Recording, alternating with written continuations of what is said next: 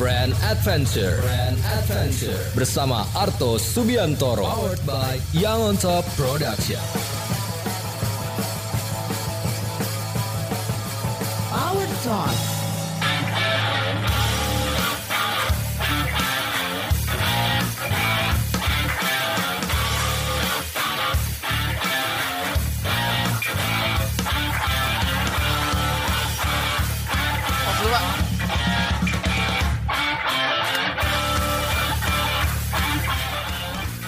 Halo, selamat malam Power People. Jumpa lagi bersama dengan saya Artos Subiantoro di program Power Talk Brand Adventure, sebuah program yang membahas tentang kehebatan brand-brand lokal di seluruh Indonesia. Dan hari ini, aduh, deg-degan. Kita kehadiran dan kedatangan seorang tokoh brand yang kalau orang brand itu udah pasti harus ngerti banget. Tapi saya nggak mau sebutkan namanya dulu. Tapi minimal Anda bisa membayangkan kalau saya sudah 20 tahun di dunia brand. Jadi malu pak 20 tahun di dunia brand Toko yang satu ini bukan 20 tahun Bukan 30 tahun Bukan 40 tahun Tapi 50 tahun di dunia brand dan branding Siapa lagi kalau bukan The legendary Subiakto Priyo Sudarsono Atau yang biasa kita panggil Pak Bi Apa kabar Pak Bi? Kabar baik. Terima kasih Mas Sarto untuk undangannya. Kita akan kembali setelah yang satu ini.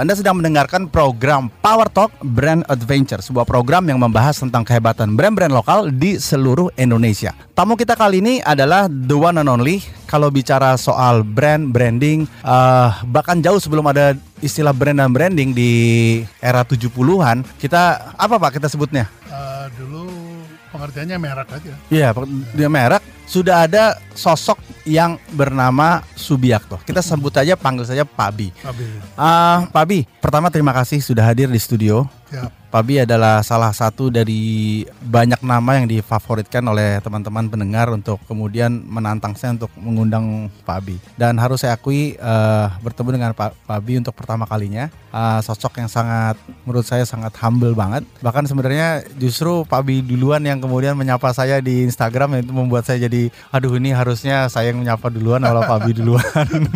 lebay, lebay. Nyantai aja. Dan 50 tahun yang lalu kalau kita bicara brand pada saat itu, apa yang kemudian eh, dari kacamata Pak Bi berbeda sekarang dari sisi masyarakatnya terlebih dahulu? Apa yang membedakan masyarakat zaman itu dengan masyarakat di zaman sekarang? Iya, pada waktu saya memulai karir tahun 69 itu belum ada istilah branding. Yang ada itu baru istilah personality, kemudian uh, merek, kemudian logo itu sudah ada. Ya. Tapi istilah-istilah seperti brand, kemudian apalagi brand with capital B itu belum ada. Ah, Jadi apa yang membedakan brand dengan capital B dengan brand dengan small b? Jadi gini, awalnya itu terjadi keributan gitu kan. karena di Amerika sendiri itu pengertian tentang tentang brand itu adalah merek, logo dan segala macam yang digunakan untuk identitas produk yang dijual. Nah ternyata kemudian itu nggak cukup. Nah kemudian asosiasi marketing di Amerika kemudian buat definisi baru bahwa brand dengan huruf kecil itu adalah ya tadi merek, logo dan segala macam. Tapi kalau kita bicara brand with capital B itu lebih kepada uh, the in thing about the brand sendiri. Jadi kalau istilah kerennya itu brand is a love mark. Hmm, Jadi tanda uh, cinta. Tanda cinta. Jadi sebetulnya ikatan emosi itu uh, menjadi terjemahan daripada brand. Karena kalau brand itu ditanya bahasa Indonesia-nya apa? Bukan merek. Betul. Sebenarnya ada Pak bahasa Indonesia yang benar ya namanya hmm. jenama. Saya cek di Google namanya jenama. Nggak pernah dengar. Jadi brand itu sebetulnya kalau bahasa Indonesia cinta. Jadi uh, perkembangannya ke zaman sekarang udah udah jauh sekali. Kalau zaman dulu uh, tujuan orang-orang brand ini karena sebetulnya brand itu sendiri baru lahir tahun 90-an. Hmm. Ya, ketika hmm. kemudian marketing itu tidak hanya 4P tapi juga ditambah dengan 3C. Yeah. Uh, ada consumer dan segala macam dimasukkan, maka muncullah brand karena ada fungsi konsumen. Ikatan emosi antara produk dengan konsumen itulah disebut brand. Nah, barulah kemudian brand itu diperdalam, dipertajam di situ. Nah, tahun 90-an itulah kemudian saya menjadi mematangkan ilmu branding saya. Yang tadinya cuma merek logo, kemudian menjadi uh, apa namanya? menjadi makna atau value daripada sebuah produk. Artinya kalau kita bicara 30 tahun uh, proses sampai ke titik tahun 90-an itu ya kalau Pak Bi mulai uh, apakah kemudian secara konsisten konsep brand dengan capital B itu sampai hari ini masih sama dengan apa yang Pak Bi pahami di era 90-an? Ya zaman dulu saya karena saya cuma lulusan SMA jadi nggak sempat kuliah. Saya waktu kerja itu dikasih guru-guru dari luar. Hmm. Ada orang India, Pakistan, ada orang eh, Sweden, ada orang Norwegia. Eh, mereka mengajarkan apa itu brand gitu ya. Brand dalam pengertian mereka adalah suatu personality, personality yang terdiri atas physical character dan style. Jadi kalau sebuah merek atau sebuah logo yang kemudian diberikan karakter, physical dan style itu dia akan menjadi sebuah brand. Nah itu tidak lebih sebetulnya bagaimana membangun personality daripada sebuah merek. Itu pada waktu tahun 69 ilmu itu sudah ada. Tapi makin kemarin itu makin dipertajam lagi bahwa personality is not enough gitu. Ya. Karakter nggak cukup cuma karakter tapi juga apakah itu semua membangun, membangun ikatan emosi. Nah, kalau kita pengertian kita tentang brand itu sendiri, banyak yang hanya membatasi diri kepada brand communication. Ya. Padahal brand itu sendiri adalah yang pertama harus ditemukan value-nya. Setelah itu, value itu dikomunikasikan Ya. dan kemudian diaktifasi dan kemudian diaksikan, diactionkan. Jadi, nah, buat teman-teman yang bekerja di periklanan, rata-rata mereka sangat intens melakukan brand communication. communication. Ya, Dan, ke situ. dan ini yang kemudian tantangannya adalah bagaimana kita memahami lebih dari sekedar hanya membangun komunikasi dan ini kita Betul. bicara komunikasi termasuk di dalamnya logo dan kampanye dan promosi Iya. dan lain-lain itu ya. Jadi brand itu ada brand with capital B dan kemudian ada branding. Baik, kita break terlebih dulu Pak Bi dan setelah ini kita akan menjawab pertanyaan dari teman-teman semua uh, Power People di mana pun anda berada khususnya yang sedang mengikuti kita baik di IG-nya Pak Bi, IG-nya saya ataupun juga IG di @brandadventure Indonesia. So kirimkan pertanyaan anda dan ada tiga hadiah keren. Ini adalah sarung tangan bukan sarung tangan kiper tapi sarung tangan dari Eiger yang sangat super keren dan tiga pertanyaan terbaik yang tentu saja kita akan kesulitan Pak milihnya uh, akan kita umumkan setelah acara. So jangan ke mana-mana, jangan bernafas kita kembali setelah yang satu ini.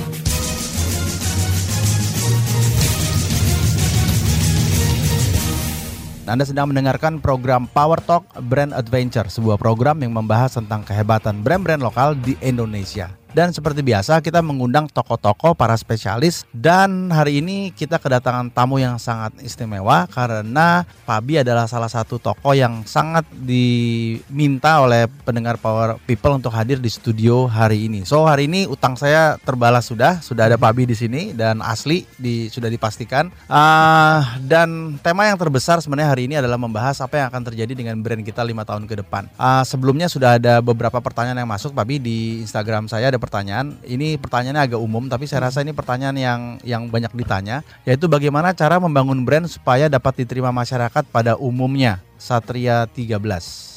Kalau kita bicara membangun brand dengan kapital B itu memang agak panjang gitu. Jadi silanya begini. Nomor satu yang anda harus punya adalah keunikan. Kalau anda tidak unik maka anda akan sulit membangun brand karena akhirnya anda menjadi generic produk yang di yang tidak punya kelebihan apa-apa dibanding yang lain. Gitu. Nah apa yang terjadi? Eh, begini, yang jarang kita sadari adalah di dalam hyper competition itu kita sekarang sedang berada di zaman yang disebut eh, arena satu.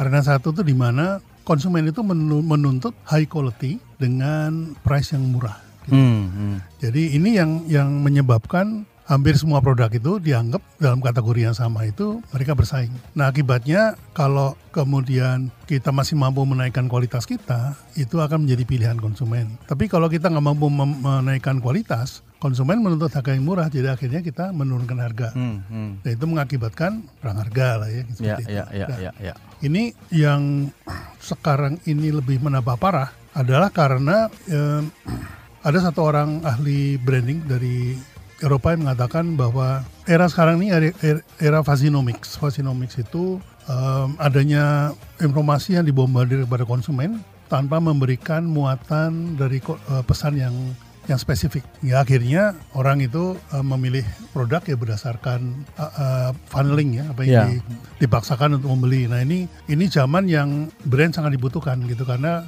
kalau brand itu bisa membedakan misalnya gini, ingat beras ingat kosmos gitu ya, Ya. atau ingat gantinya ngopi ingat kopiko gitu, sehingga uh, ada sesuatu meaning, suatu makna yang ingat oleh konsumen, uh, sehingga itu kemudian tidak membu eh, akan membuat bahwa yang namanya over-over atau buzzing-buzzing itu tidak akan ditangkap oleh konsumen gitu. Jadi eh, kalau kita mau bikin brand, nomor satu yang paling kita harus ketahui satu unik ya. Mengapa? Karena begini, brand itu kalau kita mau bangun, kita harus menyadari bahwa produk itu dibuat di pabrik, tapi brand itu dibuat di consumer's mind, di benak, benak konsumen. konsumen. Jadi Waterlanders itu dewanya marketing, dewanya branding di dunia itu mengatakan bahwa product made in the factory, but brand is created in the mind. Nah, karena created in the mind, kita harus tahu mind yang mana yang kita sasar pada waktu kita membuat brand ya. Jadi yang kita sasar itu tidak semua otak yang ada di kepala konsumen. Karena dalam kepala itu ada menurut triune, triune brain theory itu ada tiga jenis otak. ya. Yang pertama adalah otak lizard. Otak lizard itu karakternya adalah seperti halnya lizard ya kadal. Kalau ketemu orang atau dapat informasi itu lang- langsung freeze. Hmm. Kalau nggak freeze dia fight, dia melawan. Atau kalau nggak melawan ya dia kabur. gitu. Jadi dalam otak manusia itu ada sifat itunya. Sehingga kalau dikasih informasi, dikasih tahu itu jawabnya tidak. Kalau kalau melawan tidak, tidak. Pokoknya nggak gitu pak, gitu. nggak gitu pak. Itu otak otak lizard. Yang kedua? Atau eh, yang kedua itu otak otak human. Hmm. Otak human itu fokusnya kepada alasannya apa gitu ya. Dan kemudian masuk akal apa enggak. Ini otak human. Jadi kalau Anda menggunakan komunikasi un- kepada otak human, maka yang Anda lakukan adalah Anda harus memberikan alasan yang tepat kenapa mesti membeli produk itu atau kemudian eh, masuk akal enggak eh, alasan itu. Sebentar, saya pindahin dulu ini karena teman-teman ini juga pengen lihat saya kali ya.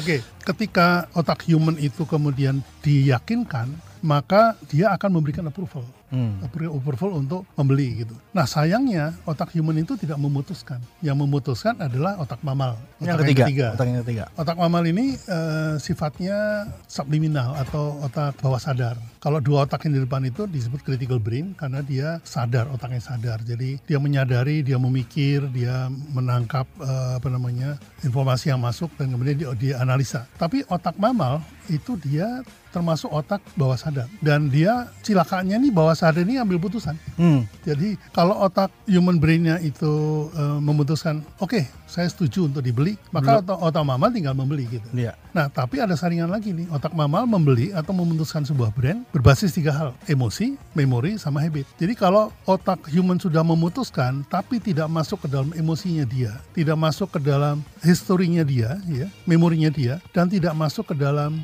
uh, habitnya dia, itu bisa ditolak. Artinya memang membutuhkan ketiga kombinasi itu ya Pak ya? Justru untuk brand, itu yang dua itu harus dihindari. Yang Hmm. pertama, Hmm, hmm. langsung kita bicaranya ke, ma- ke mamal brain. Oke. Nah, ingat bahwa mamal brain itu dia akan setuju memutuskan membeli itu untuk tiga pendekatan. Yang pertama, pendekatan yang emosional. Yang kedua, pendekatan yang membuat memorinya bangkit. Atau yang ketiga, ada dalam habitnya dia. Salah satu contoh ketika saya bikin Kopiko tahun 86, itu saya masuk ke dalam habit manusia. Dalam ritual harian dia bahwa manusia itu setiap jam 3 itu dia pengen minum kopi. Nah, ngopi itu adalah habit dari publik atau konsumen. Nah, makanya saya bikin Kopiko gantinya ngopi karena masuk ke dalam habit sehingga itu diterima oleh mamal brain secara utuh. Hmm. Wow. Agak sedikit ribet. Dan kemudian kemudian dalam konteks ah cuma bikin tagline kayak gitu gampang gitu padahal Iya. seluruh proses berpikirnya harus dimulai dari dari proses yang seperti betul. itu. Dan itu yang sering kali tidak dipahami oleh banyak orang. Di dalam 15 langkah formula yang saya buat untuk brand canvas untuk membuat brand, itu tagline itu ada di langkah ke-14. Hmm. Dari 15 langkah, bayangin tuh. jadi, jadi kalau ada orang nanya ke saya, Pak Abi, eh, saya punya produk kayak gini, terus tagline-nya apa ya? Waduh, saya harus lompat 14 langkah gitu. Tunggu di fase 14. Baik, kita break lagi Pak Bi. Sudah banyak pertanyaan. Eh, kita harus jawab lebih lebih cepat nih kayaknya karena nanti takutnya pada ngomel-ngomel. Pertanyaannya bagus-bagus. Bahkan nih ada satu pertanyaan dari Tika yang yang yang minta penjelasan apa yang kemudian dari era 1900-an nanti saya saya bacakan. Siap. So, jangan ke mana-mana, jangan bernafas. Kita kembali setelah yang satu ini.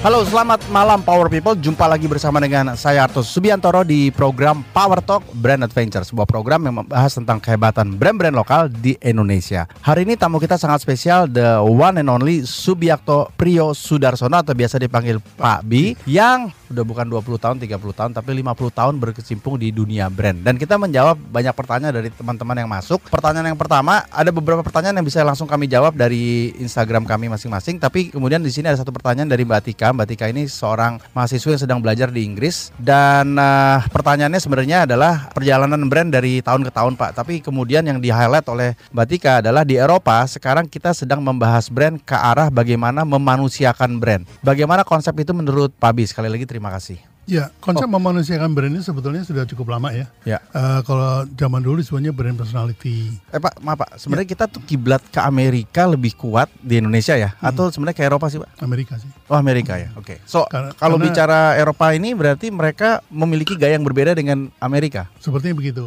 Oh, Cuman okay. uh, eh, masuknya ilmu brand ke Indonesia itu kan sebetulnya lewat lewat periklanan ya. Hmm. Jadi karena banyak biro-biro iklan asing yang masuk ke apa namanya ke Indonesia seiring dengan dibukanya penanaman modal asing tahun 67 ya sehingga 67 itu mulai masuk pertama kali Unilever. Hmm. Unilever itu punya biro iklan sendiri namanya Lintas. Kemudian industri dengan Ogilvy and Mather waktu itu tahun 70-an saya ikut bantu mereka masuk. Uh, sementara saya sendiri spesialis uh, biro iklan lokal. Jadi saya uh, diberi kesempatan waktu itu untuk bisa melakukan semuanya ya AE, ya art director, ya creative director, ya copywriter, dan ya produksi semuanya.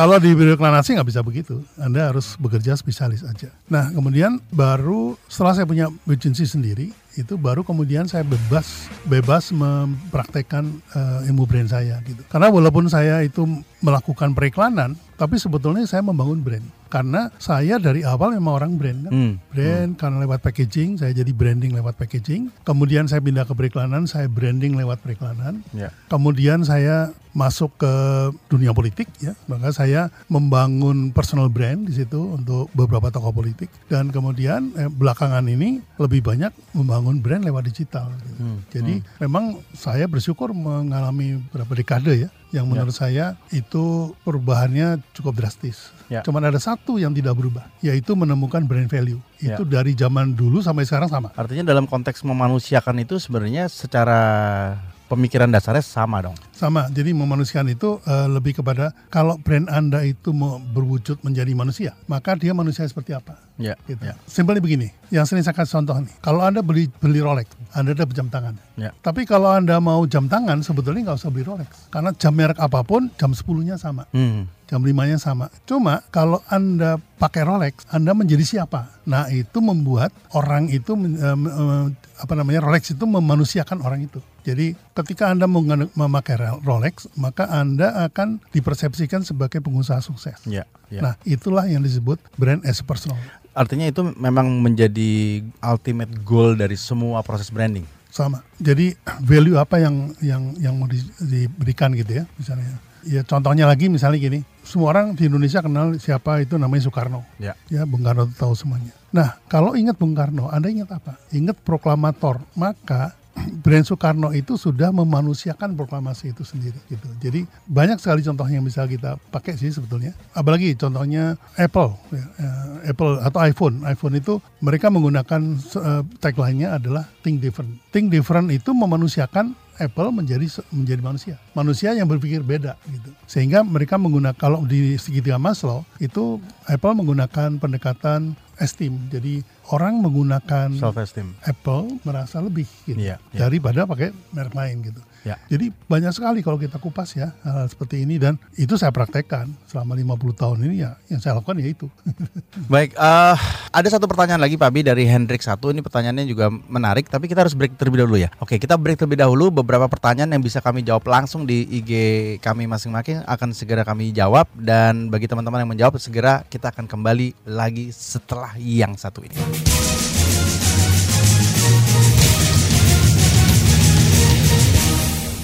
Selamat malam Power People. Anda masih bersama dengan saya Arto Subiantoro di program Power Talk Brand Adventure. Sebuah program yang membahas tentang kehebatan brand-brand lokal di seluruh Indonesia. Tamu kita kali ini adalah Pak Bi Seorang legenda hidup yang telah menjalani dan memahami proses brand selama lebih dari 50 tahun. Dan hari ini kita dapat banyak pertanyaan Baik di IG Brand Adventure atau di IG saya atau di Pak Bi. Tapi ada beberapa pertanyaan yang bagus yang ingin kami juga bahas bersama. Ini dari Hendrik underscore 1 uh, Sekarang Pak ini dan ini memang lagi tren juga ya Pak bahwa Hmm. milenial itu uh, membunuh banyak hal dan ini juga salah satu buku milenial yang ditulis oleh Mas Yusuf Hadi ya. Ya. Gimana Pak cara mempertahankannya atau memang sebenarnya emang ya kita bunuh aja memang sudah waktunya kali. Begini, Moutinho ini dia mengatakan bahwa di Fasinomics ini banyak informasi yang dibombardir pada konsumen yang tidak punya makna apa-apa. Hmm. Dan itu mengakibatkan berbaliknya pendulum. Kalau dulu pendulum itu eh, brand itu ada di korporat, sekarang justru atau eh, brand global,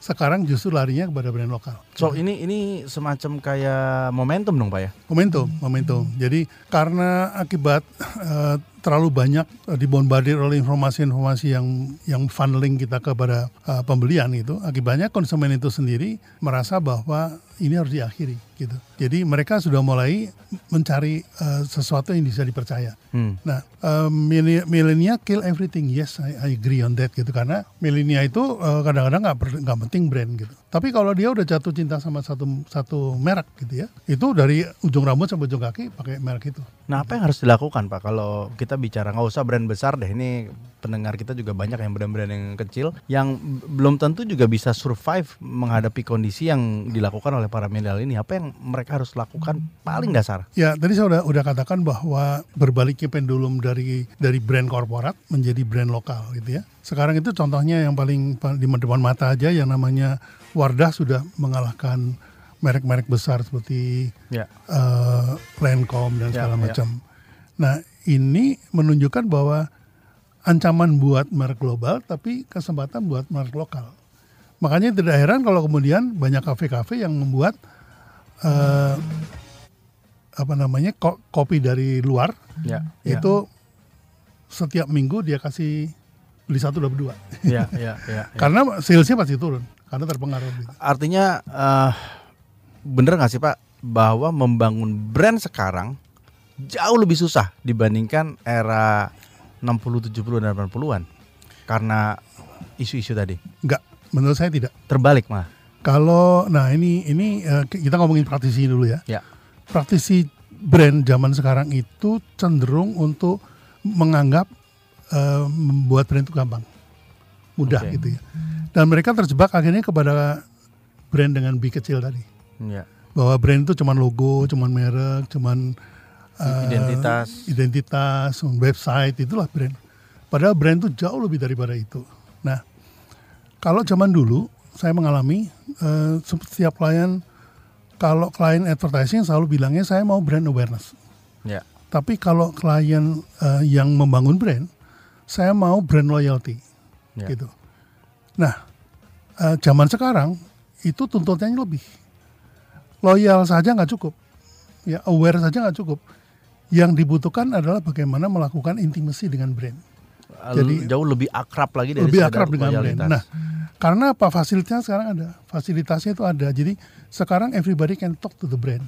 ya Jadi kalau ada sebuah brand membuat satu eh, apa namanya account sosial, sosmed gitu, dan dia mulai cerita tentang dirinya, dan kemudian konsumen sudah mulai mengerti dan mulai nanya-nanya, terjadilah intimacy.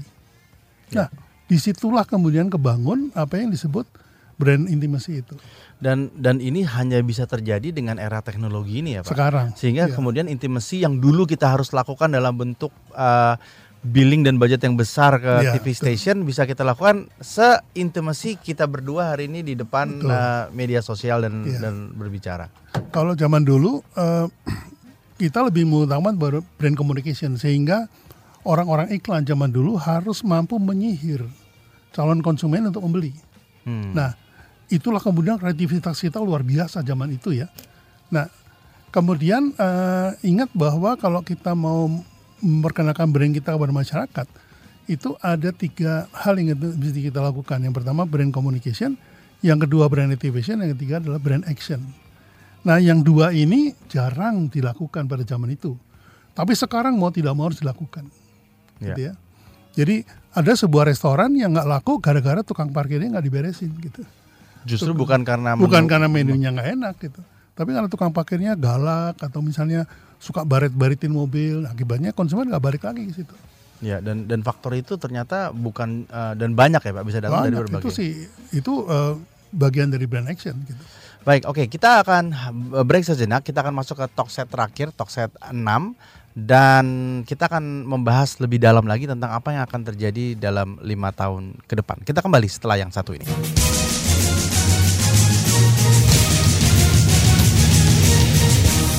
Selamat malam Power People, Anda ada di talk set terakhir di program Power Talk Brand Adventure Sebuah program yang membahas tentang kehebatan brand-brand lokal di seluruh Indonesia. Dan ada dua pertanyaan penting, tapi saya akan ambil satu pertanyaan Dan kemudian nanti Pak Bi akan men-summary tentang apa yang kita bahas hari ini. Pertanyaannya datang dari Mas Saryanto dari Purwokerto.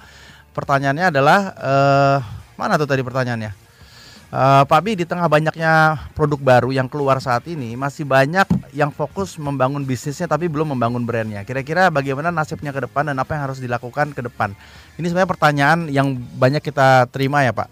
Bisnis dulu atau brand dulu atau kemudian bisnis saja atau brand saja? Mana yang benar Iya. Pak? Banyak yang mengatakan membangun brand itu mahal, Ya. sehingga perlu bisnis dulu supaya dapat profit, punya Buat uang untuk buat membangun brand. ya. Padahal membangun brand itu as simple as gigitan pertama. Hmm. Jadi kalau anda makan di restoran, gigitan pertama itu langsung jelek gitu ya, Ya. itu akan membuat orang mengingat merek restoran ini apa. Ya. gitu. Ya. Nah, yang paling penting eh, dalam bisnis itu adalah menemukan value. Ya. Karena kalau value itu tidak ditemukan, tidak ada yang bisa di, share. Misalnya gini, perusahaan saya misalnya, saya mem- menghargai perusahaan saya sebagai sebuah perusahaan yang fast, yang cepat. Ya. Maka saya akan menyusun strategi, kemudian struktur, sistem, staffing, skill yang kita cari adalah mereka-mereka yang bisa mendukung uh, value fast tadi Ya. gitu. Lain kalau misalnya saya mengatakan bahwa oh my company is a creative company, that's the value that I'm going to give to you gitu ya. Jadi yang akan akan diberikan. Nah, sehingga value ini mesti dibagi kepada seluruh uh, organisasi itu. Saya mesti membuat strategi perusahaan yang kreatif, saya mesti bikin struktur yang kreatif, saya mesti membuat uh, sistem yang kreatif, staffing dan skill yang kreatif. Jadi kalau kita tidak menemukan value itu, bagaimana anda mau menyusun menyusun sebuah organisasi yang kuat? Ya. gitu. Ya. Padahal value adalah brand. Betul. Oleh karena itu, saya selalu mengatakan temukan brand Anda dulu, brand value Anda dulu temukan, baru Anda susun organisasi untuk mencapai tujuan itu. Ya, baru kita masuk ke dalam bisnisnya ya. Betul. Karena sering kali banyak ya karena mungkin karena karakter atau mungkin pendidikan yang yang di era sebelumnya Hmm. kan banyak istilah udahlah jalanin dulu lah mengalir dulu padahal kemudian setelah mengalir mentok nah balik lagi itu jauh lebih costly ya Pak Hmm. Betul. dibandingkan dengan kalau kita mau berpikir saja sejenak untuk Betul. menjawab pertanyaan tadi. Kalau menurut saya, eh, apa namanya bisnis yang baik itu bisnis yang dijalankan banyak mengatakan begitu ya. Ya. Tapi menurut saya lebih baik di plan dulu. Ya, Gitu. ya, ya. Karena bagaimanapun juga sebuah plan atau sebuah strategi itu sangat dibutuhkan untuk menentukan langkah-langkah berikutnya. Kenapa disebut strategik? Karena strategik itu langkah yang Anda ambil akan menentukan hidup matinya produk Anda. Ya, ya. Oleh karena itu Anda membuat satu strategic plan uh, untuk mewujudkan value yang ingin dicapai. Betul, betul. Ya. Baik, eh, Pak Bi, ini tidak terasa sudah 56 menit kita ngobrol soal brand. Eh, tentu banyak sekali pertanyaan-pertanyaan lain seputar brand dan teman-teman semua Power People dan semua pendengar kita baik di IG Live eh, dari kedua eh, site ini juga bisa langsung bertanya ke Pak Bi nanti setelah acara Ya. ini ya Pak. Kalau ada silakan mentok ya. silakan uh, follow IG saya Dan bisa bergabung di eh, @subiakto. @subiakto atau di grup eh, Forum Telegram. sharing branding ya itu Forum di sharing branding. Telegram itu alumni saya ada 1200 yang sharing di situ. Pak, kalau boleh disimpulkan kemudian lima tahun ke depan, Pak, apa yang kemudian uh, menjadi penting bagi kita semua yang sekarang menjalankan proses pengembangan brand, baik sebagai praktisi ataupun juga sebagai pemilik brand? Iya, nomor satu kalau anda mau bikin brand jangan anggap enteng sebuah brand, karena brand itu adalah sebuah value ya. Jadi anda ingin dikenal sebagai siapa gitu. Jadi em, itu yang yang kalau saya istilahnya begini, silakan Google nama anda, ketemunya di Google itu apa, misalnya eh, nama Subiakto dikenal sebagai penulis, udah Google lah penulis keluar nama Subiakto, kalau nggak keluar berarti brand anda gagal, Hmm, gitu ya. atau belum belum belum kuat ya Pak. ya? belum kuat, jadi value-nya belum kebentuk, jadi sehingga mau tidak mau karena persaingan sekarang begitu besar, mau nggak mau anda harus sangat super unik gitu ya. Ya. Jadi dan itu mau tidak mau kalau saya sih menyederhanakan begini. Ketika Anda eh, membangun brand, yang Anda harus lakukan adalah memposisikan brand merek Anda atau produk Anda atau bisnis Anda di dalam otak konsumen. Sudah tahu kan otak yang mana? Otak yang bawah sadar tadi di dalam bentuk positioning. Nah, positioning itu dibangun dari tiga hal. DNA, core value, sama edit value. Kalau Anda bisa menemukan tiga itu, Anda bisa menemukan positioning, maka dengan mudah Anda bisa memposisikan brand Anda ke dalam otak konsumen. Dan sekali masuk, Mas, itu nggak bisa keluar lagi. Iya, iya, iya. Tapi juga ketemunya susah, Pak. Misalnya, saya bilang gini, saya bikin eh, waktu itu Indomie seleraku. Ya. Ya. Anda masih ingat Indomie Ya, seleraku? ya. Anda saya minta menghapus ingatan itu sekarang. Saya bayar berapapun, Anda harus lupa sekarang. Iya Pak, ternyata saya sudah lupa sama Indomie lah itu masih masih diingat. Sekali masuk nggak bisa keluar lagi. Itu kekuatan dari brand. Oleh karena itu praktisi brand macam saya, macam kita kita ini orang-orang yang berbahaya sebetulnya. karena udah masuk nggak bisa keluar lagi. Kan kita bisa mengubah dunia. Yes yes. Yes, yes. Baik, terima kasih Pak Abi. Senang sekali sudah hadir di studio. Nggak kerasa ngobrol sama Pak Abi 58 9 menit sudah eh, eh, berjalan. Tapi minimal kita paham bahwa hari ini kita eh, memiliki begitu banyak kesempatan dan opportunity untuk membangun brand. So, terima kasih sekali lagi sudah hadir di studio Pak Abi. Ini Siap. kayaknya harus diundang lebih sering nggak apa-apa ya Pak Abi ya? Ya, Dua bulan sekali minimal. ya. Baik, oke. Seminggu sekali boleh juga. Ah, oke serius sekali. Dan eh, tentu saja ini satu eh, satu keuntungan sendiri untuk kita. Kita akan selalu berkomunikasi lebih dalam, mengundang Pak Abi juga untuk hadir dan memberikan masukan lebih dalam tentang bagaimana proses brand dibangun. Sekali lagi terima kasih banyak khususnya untuk 102,6 Alona FM Medan. 106,8 Ramona FM Palembang, 96,7 Green Radio FM Pekanbaru, 89,2 Power FM Jakarta, 92 92,9 Mix FM Bandung, 87,9 KC10 FM Indramayu, 107,2 KR Radio Yogyakarta, 102,8 JFM Semarang, 107,3 Karavan FM Solo, 96 Mercury FM Surabaya, 92,2 Heartline FM Denpasar, SPFM Makassar FM, dan 105 Gema FM Banjarmasin. Untuk semua pertanyaan seputar brand dan branding Anda bisa tanyakan langsung ke Pak B at Subiakto atau Anda bisa bertanya di at Arto underscore Subiantoro atau at Brand Adventure Indonesia. Uh, dan juga terima kasih kepada seluruh kru yang bertugas yang on top production uh, Mas Indra dan Mas Reski Mesanto yang hari ini hadir juga menemani kami. Dan kita akan kembali lagi minggu depan dengan narasumber yang super keren. Uh, bocoran sedikit uh, kemungkinan besar adalah Mas Kakak Sleng. So akan hadir bersama kita Siap. minggu depan bersama Mas Kakak Sleng untuk ngomongin soal band yang kemudian berkembang menjadi sebuah brand. Karena Sleng sekarang menurunkan uh, brand kopinya untuk kemudian masuk ke market. Jadi ini uh, bicara another 20, 30, 40 years of uh, uh, brand process. So kita akan ketemu lagi minggu depan. Sekali lagi terima kasih Pak Bi. Sampai kita bertemu lagi. Dan akhirnya Salam bisa bikin brand.